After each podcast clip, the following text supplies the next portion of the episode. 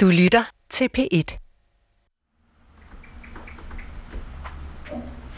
Hej. Nå, hej. Hej. Det er Ingrid, jeg er med Hej her. Ingrid. Jeg hedder Brian. Hej Brian. Velkommen ud i det kolde vejr. Det er den 8. januar 2021. Kalenderåret er skiftet, og juleaften sidste år blev Ingrid Andersen 90 år. I dag kommer hun rullende ud med rollator fra sin opgang i Greve. Man kan ikke se på Ingrid, at hun har levet 90 år. Hun er en velklædt ældre dame med et charmerende smil på læben.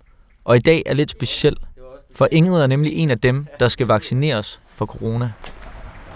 Er du klar til at blive vaccineret? Nej. Skal man være det? Det ved jeg ikke. Jeg kan ikke lide det. Nej. Jeg er blevet sådan set blevet presset af mine børn og børnebørn. Det jeg skal gøre det. Siden den 27. december er den mulige forløsning på coronakrisen rullet ind over Danmark.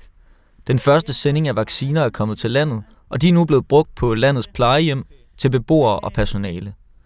Nu er det så kommet til de ældre over 65, der får hjemmehjælp og er i øget risiko. Og dem er Ingrid en del af. Og selvom hun ikke er vildt begejstret for den her vaccine, så kan hun godt se det positive ved at få den. Altså, man, når man får tilbudt noget, som måske kan redde en, selvom jeg måske ikke har så mange år tilbage, så vil jeg da gerne prøve.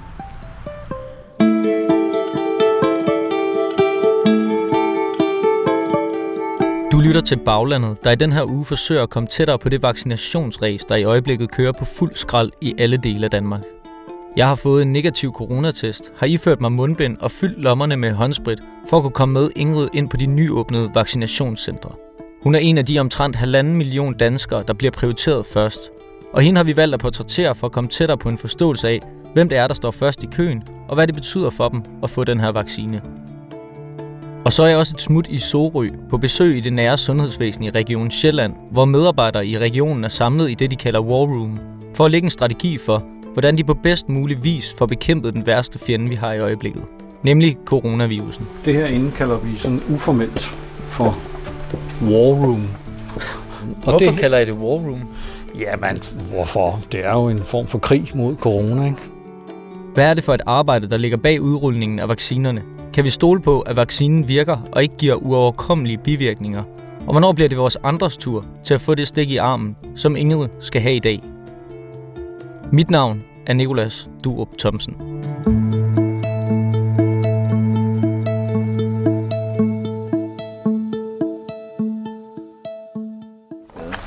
Hvornår kommer taxaen, ved I det? Du kommer klokken halv et. Halv et, okay, så det er om 8 minutter. Hvor mange minutter er der? 8. Du får lige din handske på, Ingrid. Vi står uden for Ingrids opgang sammen med Brian, der er hjemmehjælper, og venter på en taxa, der skal køre Ingrid til vaccinationscentret i Roskilde.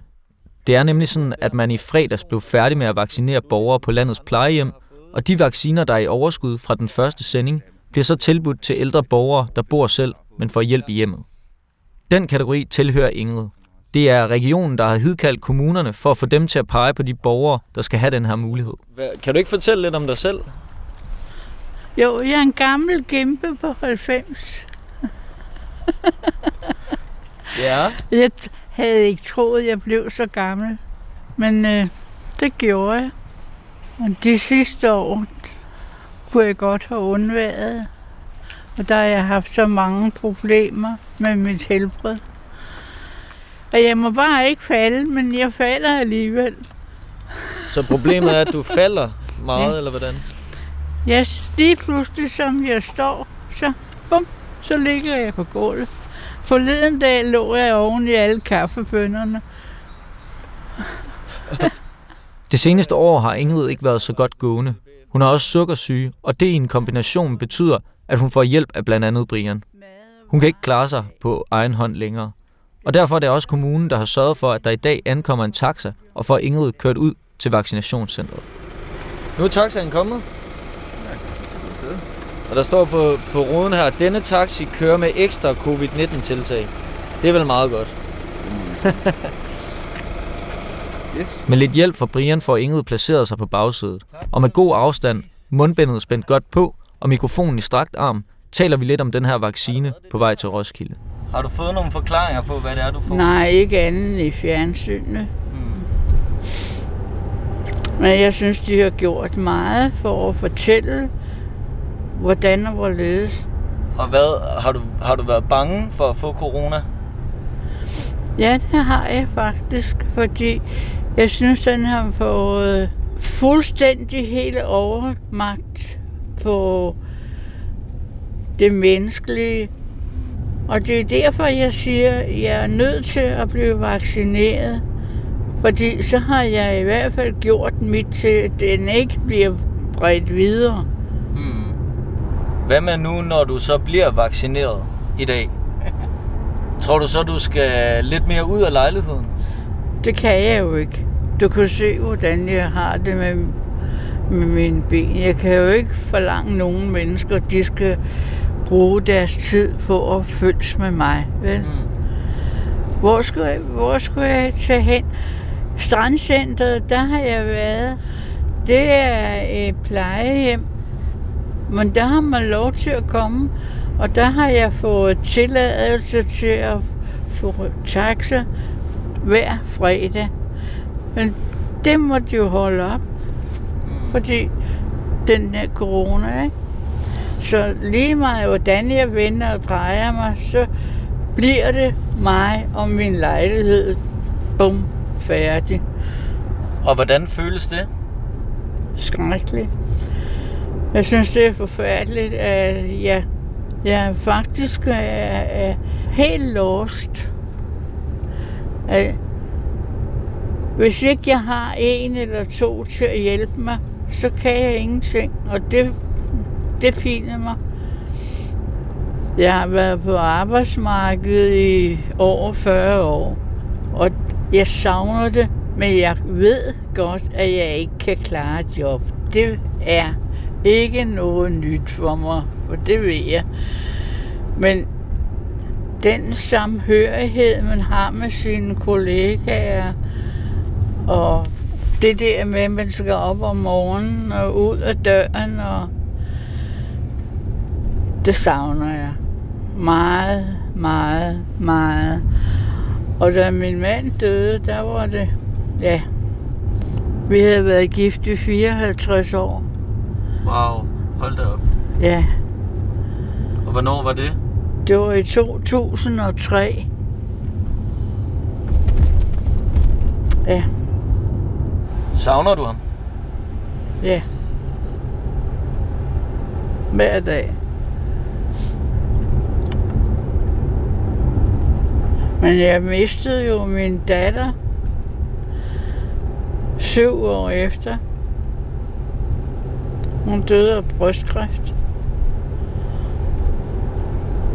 Så jeg har en datter tilbage, og hun gør alt for, at jeg kan få det godt. Og det gør mit barnebarn også. Men jeg vil ikke forlange, at de skal tage så, så meget af mig. Fordi jeg har selv prøvet, hvordan det er at skal tage sig af gamle mennesker. Og man må sige, gamle mennesker, gammel det er jeg jo. Det kan man jo ikke løbe fra. Men senil er jeg ikke endnu. Det kan man ikke sige. Nej. Men lidt glemsom kan jeg jo godt blive. Det kan jeg også. Men ellers så ser jeg jo ikke et menneske. Jo, hjemme er måske 10 minutter, ikke? Er det ikke ligesom at være i fængsel? Jo. Men jeg, jeg kunne selvfølgelig sætte mig ned og, og synge en sang, men jeg er så falsk, så det, det ville ikke være... det ville ikke være noget, hverken for den ene eller den anden. Nå, nu er vi her. Ja, Så spænder jeg mig lige op her. Vi ankommer til Roskilde. Det er tydeligt for mig, at Ingrid lever en meget isoleret tilværelse. Coronarestriktionerne har gjort, at de enkelte lyspunkter, hun havde i ugens løb, med flere besøg fra familie og fredagshygge på det lokale plejehjem, er blevet taget fra hende. Så med vaccinen er der måske et spinkelt håb for Ingrid om, at det hele bliver lidt mindre ensomt. Inden vi vender tilbage til Ingrid, skal vi lige en tur til Sorø. Her er Region Sjællands administration nemlig samlet på kontorer. Og lige nu mødes de to gange om dagen i det, de kalder War Room, for at koordinere vaccineplanen og planlægge næste skridt i vaccineudrulningen. Jeg har fået mulighed for at tale med direktør i det nære sundhedsvæsen, Trine Holgersen, om, hvordan vaccineplanen hænger sammen, og hvad det kræver at få vaccineret så mange mennesker. Altså fra at, øh, at vaccinerne bliver leveret, så bliver de bragt ud til regionerne. Og der er de på frost, og så bliver de tøet op. Når vi bestiller, hvor mange vacciner vi gerne vil have tøet op, og så planlægger vi jo sideløbende, hvordan vi får de vacciner bragt ud. I forhold til de plejecentre, de 152 plejecentre, vi har været ude på, der har der været nogle helt konkrete aftaler om, hvor mange hætteglas man skal tage ned i en køletaske, for man må ikke bryde kølekæden, hvordan man, man meget forsigtigt flytter den kølekasse ud i bilen, kører, trækker, tager lige præcis det antal hætteglas op, man må bruge ude på det plejecenter, blander dem meget tæt på patienten. Man, må, man skal gå meget kort og holde vaccinerne på en helt bestemt måde, og så vaccinerer man borgeren. Og den borger, der skal have den vaccine, skal have givet tilsavn ud på plejecentret, og, man, og, og den læge, der skal vaccinere patienten, skal få et tilsavn af den borger på det tidspunkt. Det skal registreres i en database, så man kan se, at den patient har fået denne type vaccine på det her tidspunkt. Og når patienten så er blevet vaccineret, så er det sådan. Og, det, og når det er så vigtigt at monitorere det, så er det fordi, at 21 dage efter, så kommer man igen. Og så skal man finde den samme patient, lige præcis 21 dage efter, og give dem lige præcis den samme vaccine. Og med den vaccine, vi har, der skal håndteres så forsigtigt, så er, det, så, så, så er man nødt til at have en meget minutiøs plan. Vi er selvfølgelig også nødt til at have en helt særlig plan, fordi de vacciner, vi har, de er meget dyrebare. Så det er meget vigtigt for os, at vi kun tager det antal vacciner med ud til vores plejecentre, som vi har brug for. Og skulle det ske, at der er en borger, der er indlagt på hospitalet, eller ændre holdning til at vil modtage vaccinen. Fordi det er jo frit, det står jo en frit for, om man vil vaccineres. Det kan også være en borger, der er blevet syg i mellemtiden. Så kan vi jo stå med en restvaccine derude. Og derfor har vi sideløbende også i samarbejde med kommunerne aftalt, at de skal lave lister for, hvis vi har en restvaccine, er der så noget af deres kritiske frontpersonale, der kunne være interesseret i at modtage den vaccine. Hvis det sker, så skal det registreres på præcis samme måde som borgeren. Det her det er enormt kompliceret, når jeg siger det på den her måde. Og det skal man slet ikke bekymre sig om, når man er borger. Som borger skal man bare forholde sig til, om man får et brev eller en indkaldelse, og så skal man komme ned. Og så skal man overlade det til os, og få alt det her i baglokalet til at hænge sammen. Øh, men det er det, vi bruger vores tid på. Nu kan jeg jo godt lige sidde og blive en, øh, en lille bitte smule bekymret, når du siger, at den her vaccine er så skrøbelig. Altså, den må ikke blive rystet, den må ikke øh, tøs op for tidligt og alt muligt. Kan man være sikker på som borger, at den vaccine, man får, den virker? Det kan man være sikker på, fordi den plan, vi har lavet, der har vi sikret, at vi håndterer den præcis på den her måde. Og det er en del af den planlægning, og det er derfor, logistikken skal være så minutiøs, som den er. Så det skal man overhovedet ikke være bekymret for.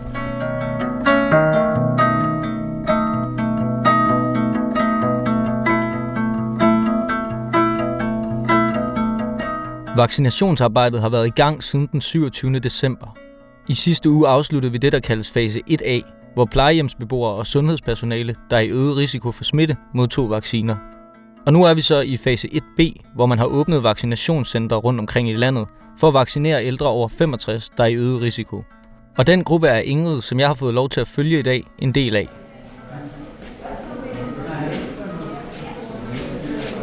Vi er netop ankommet til den gamle flyvestation i Gastrup, der nu er omdannet til test- og vaccinationscenter. Der holder flere taxaer på parkeringspladsen, og ud af dem stiger ældre borgere med rollatorer, der langsomt, ledsaget af personalet på stedet, bevæger sig ind i receptionen. Ingrid finder sit sygesikringsbevis frem og bliver med det samme dirigeret ind i et af vaccinationslokalerne, hvor hun bliver modtaget af to sygeplejersker og en læge. Hvad tænker du? Er du nervøs? Ja. Mm. Selvfølgelig. Jeg er sikker på, at de siger det samme som mig, at det skal du ikke være. Skal du ikke også stikkes? Nej, det tror jeg ikke, jeg må. Jeg vil. Det Hjertens kunne jeg godt undre dig. Ja, ikke? Ja. Ja. Der har været stor diskussion om, hvem der bør have vaccinerne først. Jeg har nok haft en lille drøm om, at jeg nu, når jeg alligevel kom her sammen med Ingrid, kunne få et skud. Men mens jeg står her og kigger rundt på de ældre, der er mødt op, så går det op for mig, at det nok er okay, at jeg ikke lige står først i køen. De her mennesker er rent faktisk i stor fare, hvis de får corona. Så for dem er den her vaccine måske det, der kan redde dem. Jeg kan forhåbentlig bedre klare mig gennem sygdommen, hvis den skulle ramme mig. Selvom det jo er fristende, når sprøjten ligger lige der på bakken og smiler til mig. Så tager jeg lige den her væk. Du føler dig ellers rask. Du føler dig rask. Føler du dig rask? Om jeg er rask? Ja. Ja, det ved jeg ikke. Vil I prøve at se, Nej, ikke i om dag. jeg er smittet? Nej, det skal vi ikke se. I dag skal vi bare vaccinere. Har du feber da? Nej. Jeg har bare dårlige ben. Ja, det er Og faktisk er der ret mange andre, der har det lidt ligesom mig. Borgere, der venter i spænding på, hvornår det bliver deres tur. Det oplever de hver dag på sekretariatet i det nære sundhedsvæsen. Her sidder Britta Nielsen som en af dem, der tager imod henvendelser fra borgere.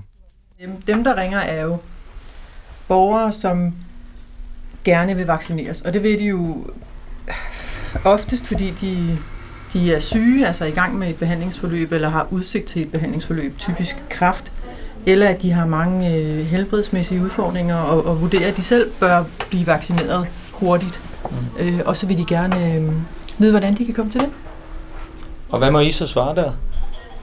Jamen, så henviser vi dem oftest til, øh, til det der corona call center øh, og beder dem om at, at rette henvendelse der, for vi har jo ikke øh, muligheden for at, at prioritere nogen før end nogle andre, og det er vi jo så heller ikke sat i verden til. Og der er I jo forholdsvis magtesløse, fordi det er ikke jer, der bestemmer det. Så I kan bare sige til dem, på, det er ikke os, der sidder med det. I bliver nødt til at væbne jer med tålmodighed, til der kommer en, Ja. en besked i e-boks. Så vi må væbne os med tålmodighed. Det er allerede blevet besluttet, i hvilken rækkefølge vi bliver vaccineret.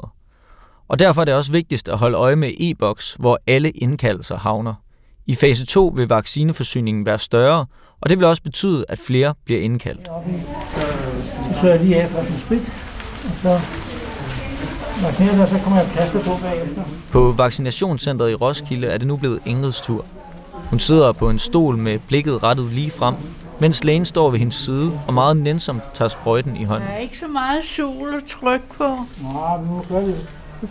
Vi vinkler den lidt. Uden så mange dækkedarer stikker han den ind i Ingrids overarm og sprøjter lige så stille den dyrebare væske ind i hende. Nu kommer der en prik der, ikke? Så Ja, ja. have- får et prik en der. Ingrid ligner ikke umiddelbart en, der enser det store. Nu får du den, Ingrid. Det er nu. Hvad? Det er nu. Ja, Hvordan føles det? men det, jeg, jeg bliver så tit stukket. Der bliver taget blodprøver og sådan noget. Og det er jeg vant til. Så det er der ikke noget nyt i. Jeg behøver ikke at skrige eller noget. Det er der en, der er dygtig til at stikke. Så har vi overstået. Jeg skal nok fortælle dig, hvordan det er. Skal du se, vi skal lige ind i et andet rum og sidde i et kvarters tid, bare lige for at holde øje med dig. Hvorfor? Er I bange for, at jeg løber med det hele? Ja, det, jeg tror, det er derfor. Mens Ingrid sætter sig ind i lokalet ved siden af, får jeg lov til at tale kort med lægen, der stak Ingrid. Det er sådan, at der i øjeblikket er stort pres på hospitalerne og sygehusvæsenet på grund af corona, og det betyder også, at man har ragt ud efter frivillige, pensionerede læger, der kunne have lyst til at hjælpe med at vaccinere. Og Søren her er en af dem, der har sagt ja. Men det er en frivillig tjans, du har taget, simpelthen. Ja, altså man får nogle nogle penge for det, jeg tror det, men det er, altså, det er en ansættelse, man får i, i altså en tidsbegrænset ansættelse, ikke? hvor man Ja. ja. så er timelønnet formentlig, og så går jeg ud fra, så man øh, bare, altså det er ikke noget job i den forstand, det er, må vi bare gå for, for at få gang i det her, ikke? Og, og hvordan kan det være, at du har valgt at sige ja til det? Fordi jeg er min lærer til at være med til det, og jeg synes, at jeg er frisk nok, så det er, det er dumt at bare ikke at, Altså det vigtigste er for at vaccinere en masse mennesker, og det er det, som jeg ser på, kan man sige. Ikke? Jeg har jo tid til det, jeg har bare praktiseret det i mange, mange år, så nu det er jeg så ikke mere. Nu så har jeg tid til at gå og lave sådan nogle ting. Det, Så lige få skubbet det her ja, vaccineræs i gang. Ja, selvfølgelig. Vi skal jo gerne ud og rejse til sommer, så det er mere for nu. vaccinere nogle mennesker jo, så pokker det. Ja. Det skal nødt falde på mandskab, det ville være ærgerligt. ja. Har du selv fået vaccinen? Nej, ikke nu. Ikke nu. Nej. Skal du ikke have det? Jo, jo, men øh, jeg, ikke, jeg, jeg tager det helt roligt. Du, de ligger jo lige derovre, du kan jo bare tage fat i en, ja, og så... Ja, ja, men jeg synes, hvis de borgere, der skal have, vi skal have dem først. Og så. Vi har også en aldersopbygget, det var som ikke så længe før, jeg blev tilbudt den, så det, Okay. så det er ikke, så jeg er ikke, men jeg er ikke sådan hissig. Jeg har jo stille og roligt tilværelse normalt, så jeg kan sagtens gå og passe på mig selv. Ja, ja. ja. Det tager jeg helt roligt. Ingrid sidder blandt en 6-7 andre i et rum ved siden af der, hvor hun blev vaccineret. Her holder personalet øje med, at hun ikke reagerer dårligt på vaccinen. Indtil videre ser hun ud til at have det fint. Men jeg skal nok fortælle dig det. hvis- der kommer en stor... Altså, jeg kan også lægge mærke Ja. til det, om jakken pludselig udvider sig. det var så fint. Noget, der er blevet talt meget om, siden det blev offentligt kendt, at der var en vaccine klar, er eventuelle bivirkninger. I Region Sjællands hovedsæde i Sorø har jeg fundet læge Ulrik Dragsteds kontor.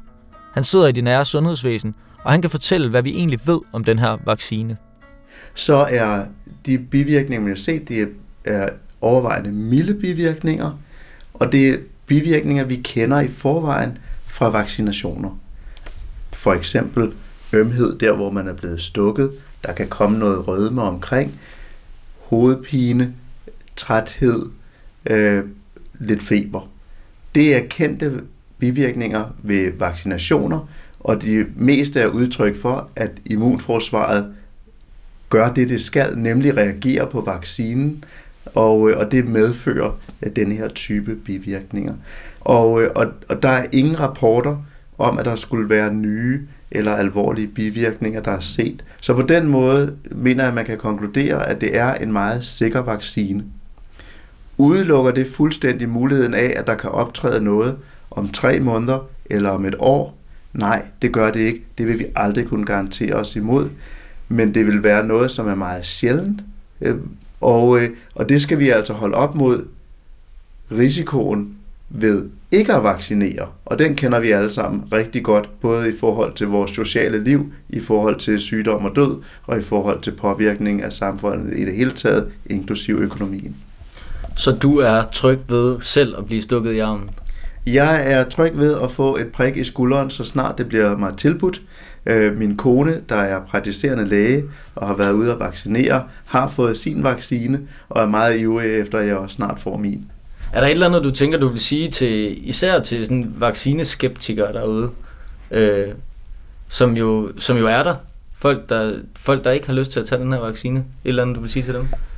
Jeg kan sagtens forstå, at man kan være bekymret over noget, som er nyt og i stor skala uprøvet. Og, øh, og det er en øh, usikkerhed, som øh, vi ikke kan fjerne. Det kan kun tiden. Øh, den bekymring synes jeg, man skal skelne meget skarpt for det, som er det, jeg forbinder med vaccineskeptikere, som i, i nogle tilfælde jo kan have et nærmest religiøst forhold til, at det myndigheder kommer med information, og det læger øh, fortæller om, at, øh, at det er fejlbehæftet, eller at der må stikke noget under. Og til dem kan jeg bare sige, det kan jeg ikke ændre på. I må have den holdning, I vil. Jeg deler den ikke. Jeg kigger på data, og, øh, og data fortæller mig, og min lægefaglighed fortæller mig, at det her det er en sikker vaccine, som vil være til stor gavn for samfundet og for den enkelte, men jeg vil ikke forsøge at tvinge noget ned over hovedet på andre.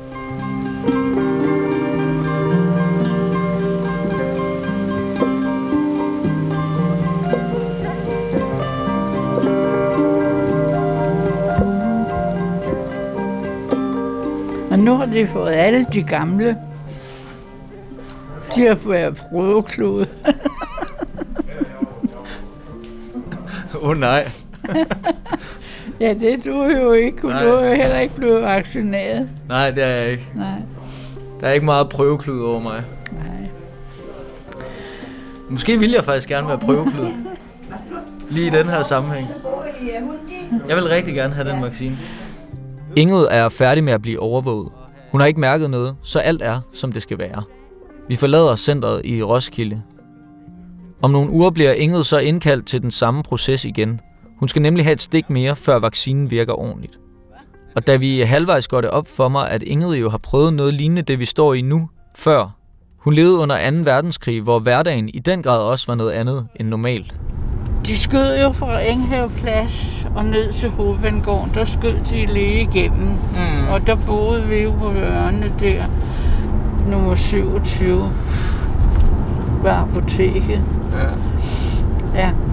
Det kan man sige, det er jo en stor forskel på krigen og så på corona. Det er, du Ja. bliver i hvert fald ikke beskudt. Nej, det er nemlig det, at man kan ikke lige sammenligne det, men noget af det alligevel, fordi man er trængt. Altså, man har ikke, man har ikke selv bestemt det hele. Altså, man, man var nødt til at rette sig efter andre hele tiden. Du kan ikke, øh, hvad skal man sige, bestemme, at nu vil du det og det. Mm-hmm. Fordi det er udelukket, ikke? Og det var det jo også dengang. Det er lidt vildt at sidde her med et menneske, der har oplevet to så historiske kriser. Og det sætter mit eget liv lidt i perspektiv. Jeg er stadigvæk forholdsvis ung. Jeg er ikke i nogen risikogruppe, og jeg kan trods alt bruge en computer og en telefon til at holde kontakt til mine nære. Så hvis ikke hun skulle have glæde af vaccinen som en af de første, så kan jeg ikke se, hvem det skulle være. Jeg har i hvert fald fundet ud af, at jeg godt kan vente lidt endnu. Skal jeg ikke lige følge dig hen til døren, Ingrid? Ja, jeg skal lige have lukket op. Jeg forlader Ingrid uden for hendes lejlighed i Greve, og håber på, at hendes liv efter vaccinen kan blive lidt mere fyldt med selskab. Det fortjener hun, for hun er ret godt selskab selv. Ingrid, jeg, øh, jeg forlader dig her. Tak. Og tak tusind for tak. god behandling. Og tak, fordi du gad. Ha' en dejlig dag, ikke? Ja, tak. Og tak for i dag. Ja, selv tak. Hej, hej.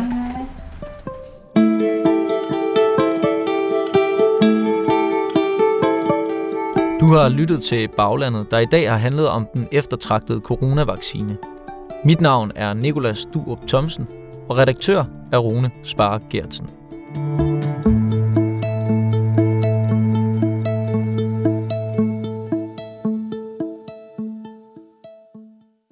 Du kan høre flere P1-podcasts i DR's radio-app. Det giver mening.